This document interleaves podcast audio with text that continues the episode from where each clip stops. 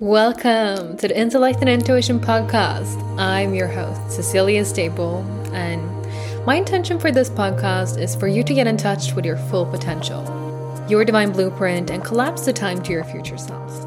To learn to get curious about yourself again, who you are, and who you might become. Expect honest conversations, deep insight, nerdy science, as well as joy, laughter, and playfulness. I'll merge medicine from the East with the West, bring on experts from North and South. It will be the cross section between science and spirituality, philosophy and self mastery. We'll dive deeper into topics such as biohacking, nutrition, exercise, and brain health, as well as spirituality, relationships, and mental health. I'll be sharing conversations with known experts in the field, as well as less renowned masters I've encountered along my journey. In addition, you'll hear solo episodes where I discuss my own journey and lessons along the way. We'll expand together, and I'm so excited to have you along for this journey.